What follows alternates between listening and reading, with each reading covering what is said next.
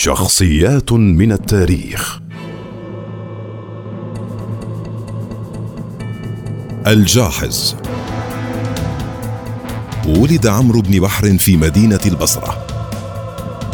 نشأ مثل جميع أبناء فقراء جنوب العراق بين الماء والنخيل. طلب العلم في سن مبكرة.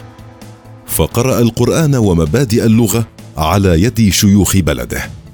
ولكن اليتم والفقر حالا دون تفرغه لطلب العلم. فصار يبيع السمك والخبز في النهار ويزور دكاكين الوراقين في الليل.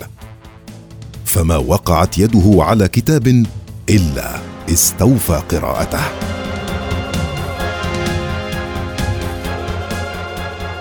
كان دميما قبيحا جاحظ العينين. عاش عمره كائنا اجتماعيا متفائلا. يفرض احترامه على الجميع بسبب فصاحته وجمال أسلوبه ونصاعة بيانه.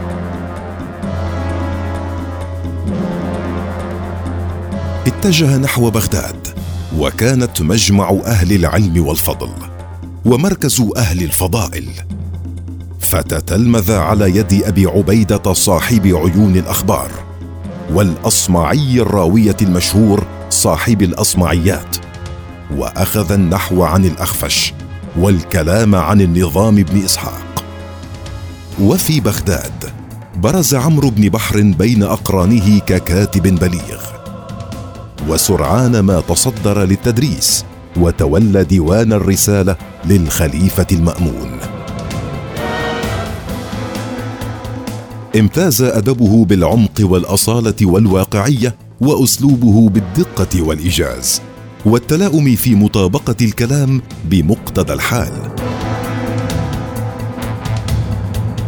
كان يميل إلى الفكاهة ويصور الواقع دون تستر أو محاولة للتجميل. فرسم طبقات المجتمع المتفاوته التي خالطها. وبعد عن استخدام الخيال والصور المجازية.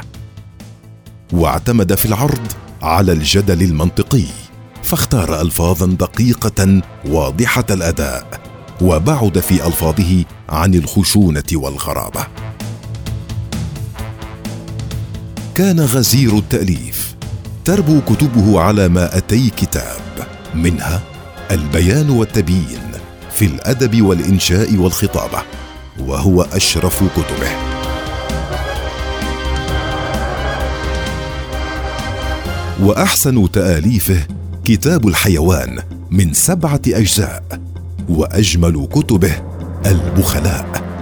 وله نظم القرآن وسائر كتبه في غاية الكمال. يحكي البعض عنه أنه كان بخيلا لم يقدر على تغيير نفسه. ما دفعه إلى الانتفاض على ذاته كاتبا كتابه الشهير البخلاء منتقدا نفسه من خلال انتقاده لتلك الآفة التي ينأى العرب عنها في شيمهم.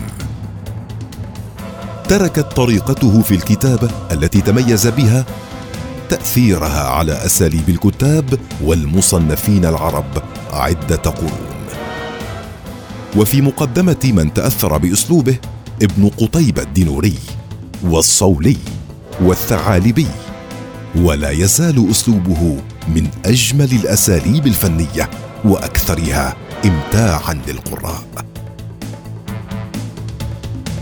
يتحدث كتاب السير عن نهاية الجاحظ الحزينة في عام 868 وقد هده شلل أقعده وشيخوخة صالحة.